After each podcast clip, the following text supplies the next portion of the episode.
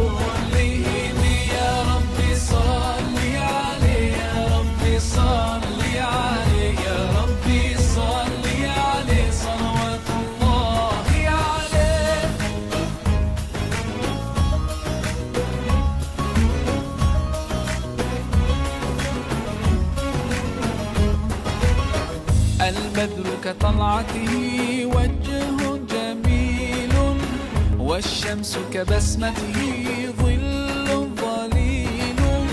هو عبد الله سيد الخلق ومصطفى وحبيب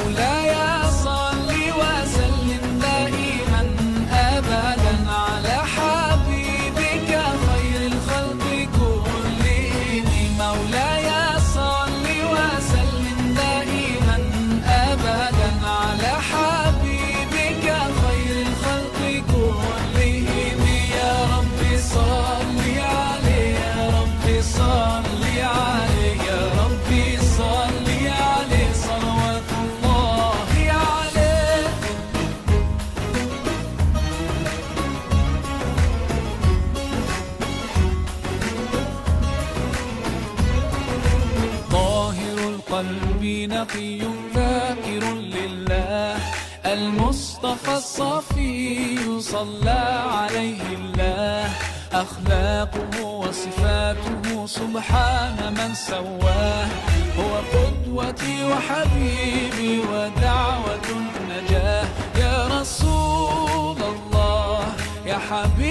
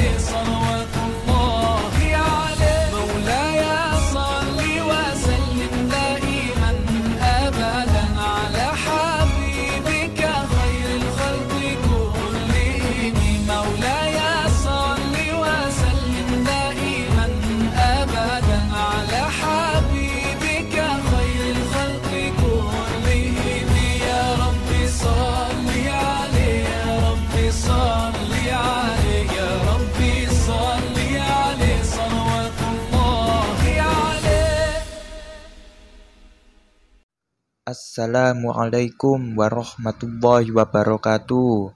Hai insan muda, apa kabar? Semoga sehat-sehat saja ya. Jumpa lagi bareng aku, Ziko. Buat nemenin hari Jumatmu biar berfaedah.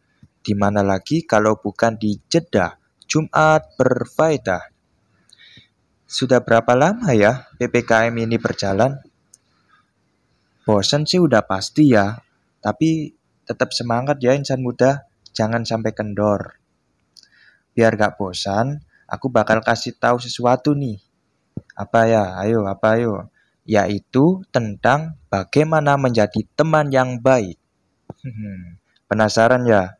So, jangan ke mana-mana, tetap stay tune terus di Sufada Radio.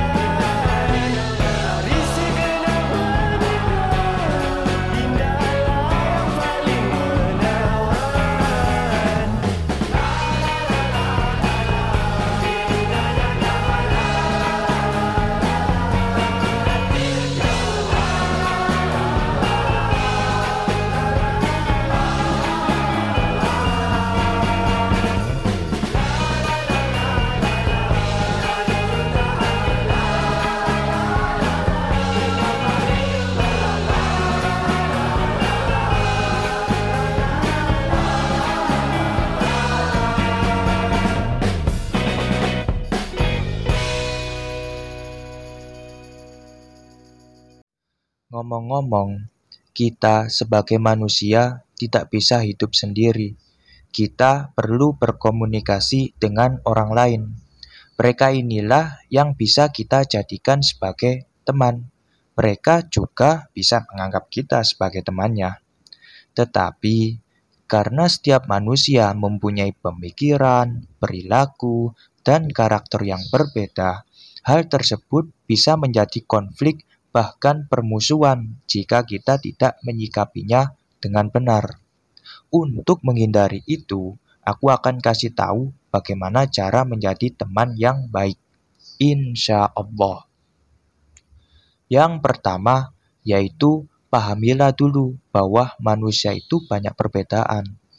Mungkin bisa dilihat dari lingkungan, pendidikan, baik pendidikan formal seperti sekolah maupun pendidikan non formal seperti didikan orang tua, dan lain-lainnya. Nah, dari situ kita bisa menyiapkan diri seperti ini. Oh, dia kelihatannya agak keganggu deh ketika orang lain ngelakuin ini. Jadi, aku tidak akan ngelakuin ini selama bersamanya demi menjaga perasaannya.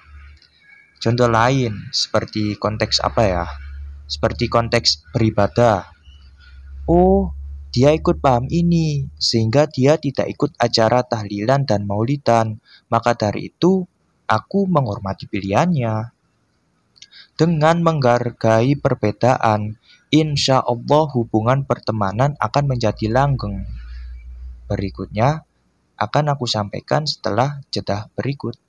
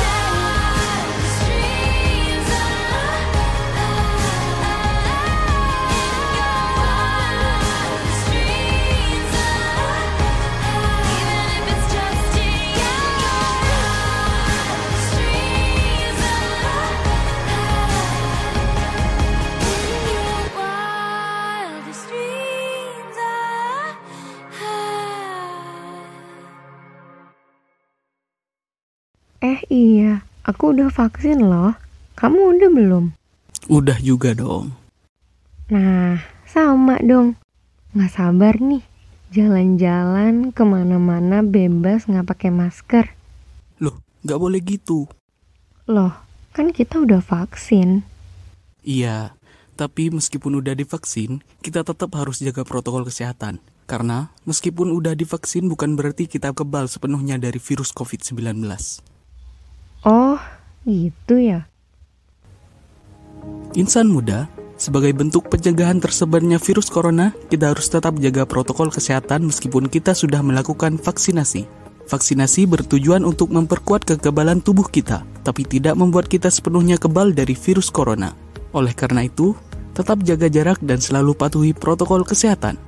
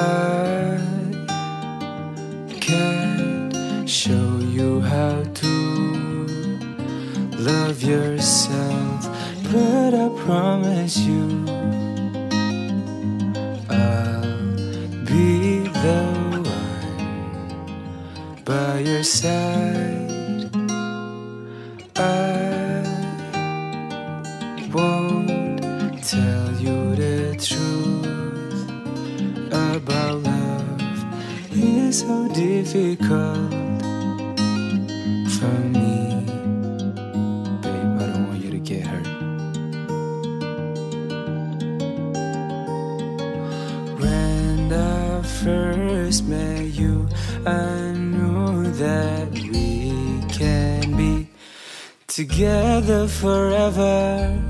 Night we spent so long until you're asleep on my lip. Cause I,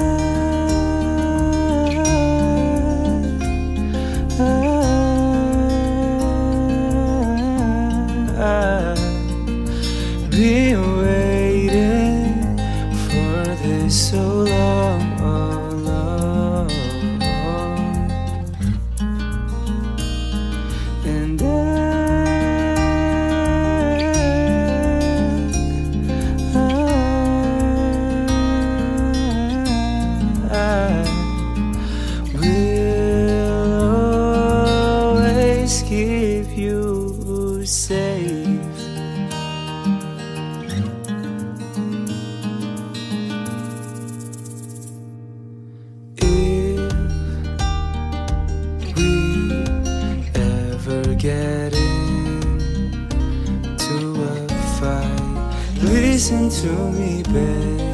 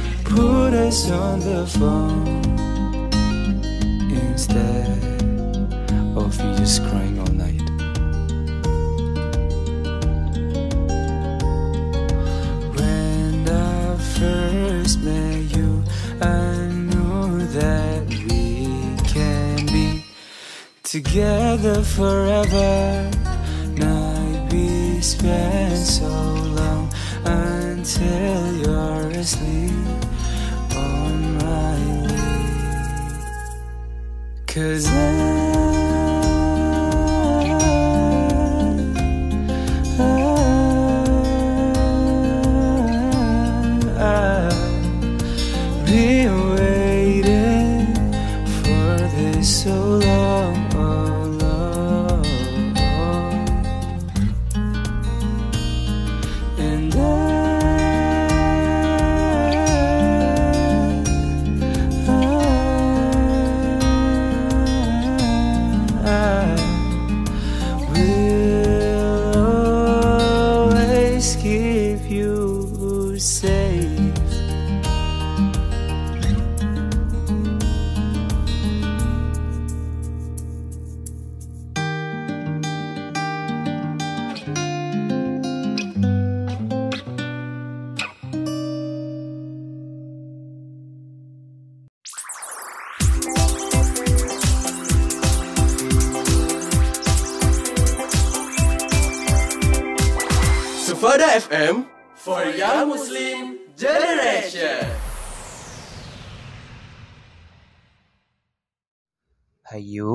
lanjut.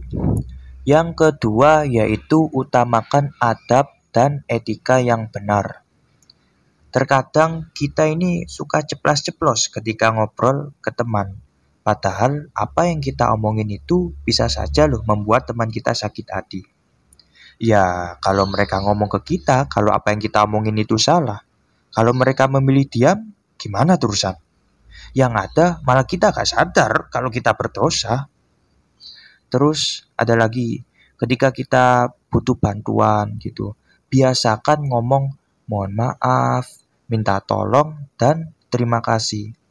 Karena memang kalimat tersebut sederhana, tetapi sangat-sangat bermakna. Dan juga banyak orang loh yang gimana ya, agak kaku buat ngomong kalimat tersebut, kaku gitu. Terus lagi ketika teman kita membuat kesalahan, kita harus mengingatkannya, tetapi dengan cara yang benar. Jangan mengingatkan sesuatu, tetapi bahasanya malah seperti menghakimi.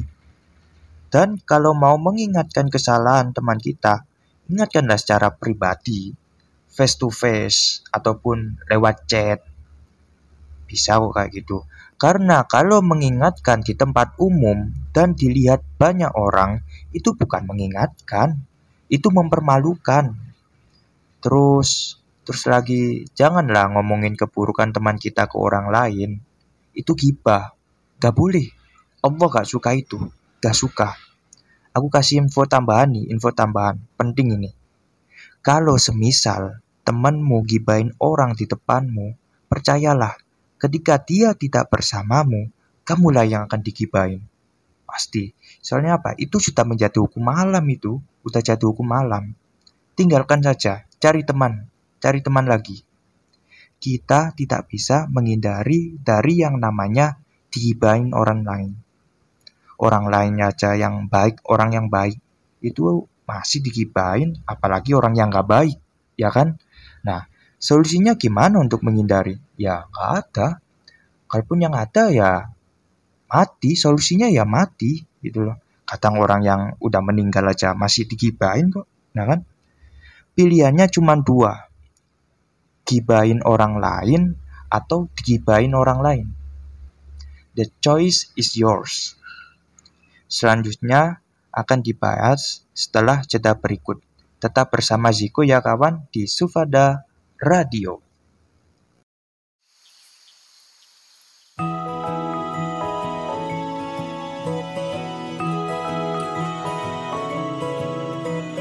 Tiba-tiba aku jatuh cinta Diam-diam kau pun juga cinta Kita berdua belum punya kekasih Saling mendekati Perasaan tak bisa berdusta Bahagia terasa sempurna. Kita berdua belum punya kekasih. Tunggu apa lagi? Katakan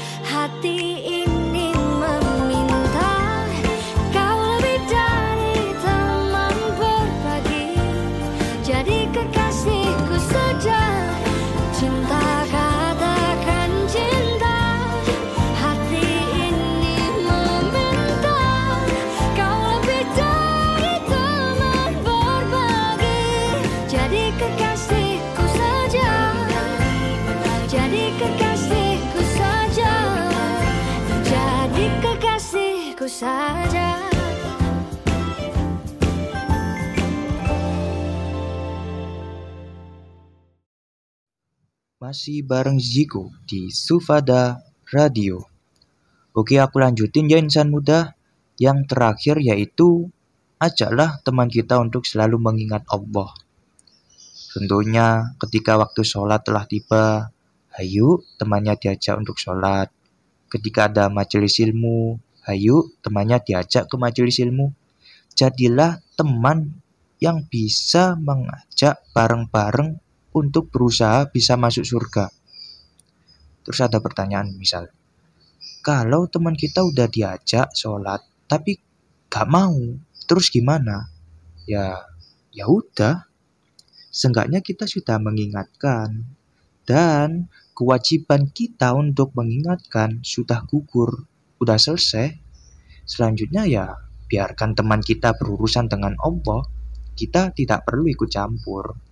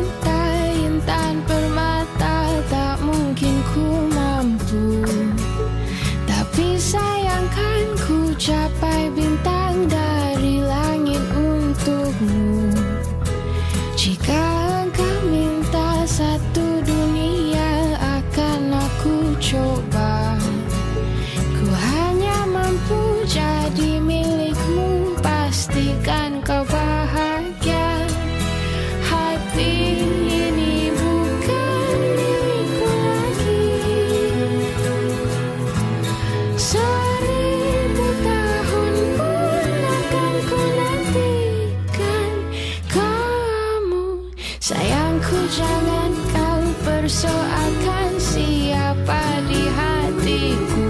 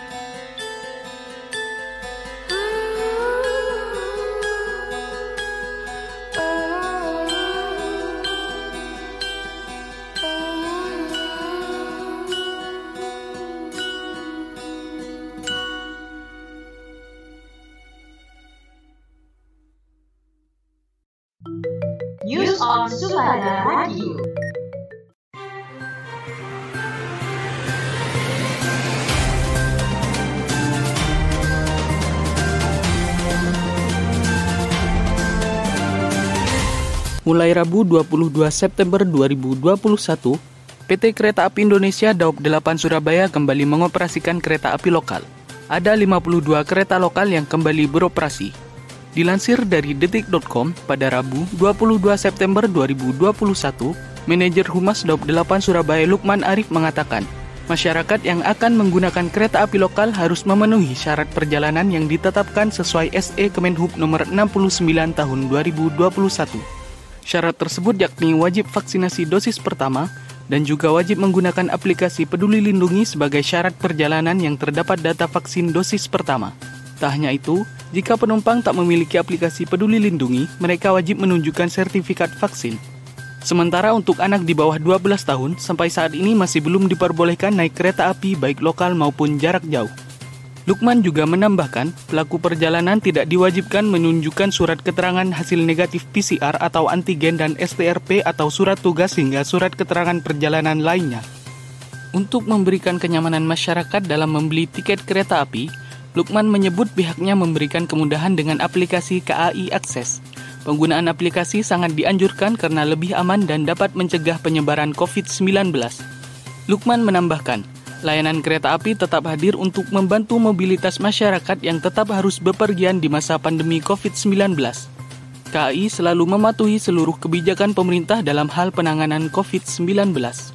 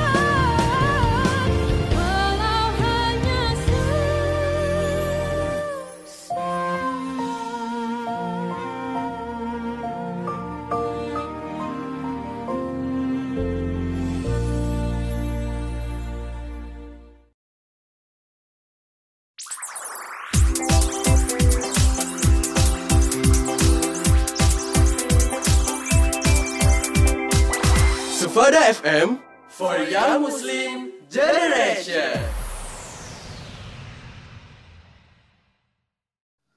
Wah, gak kerasa ya insan muda. Ternyata udah 30 menit berlalu.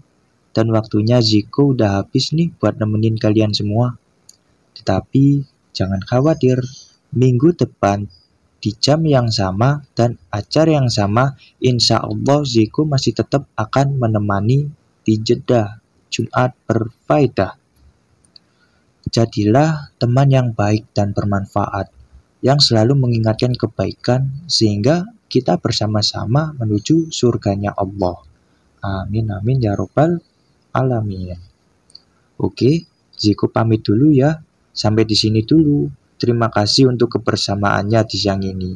Selamat beraktivitas. Wassalamualaikum warahmatullahi wabarakatuh.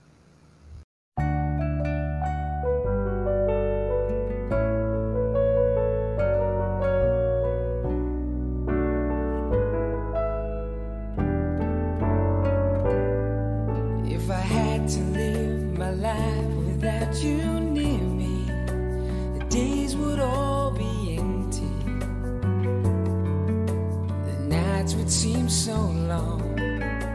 With you, I see.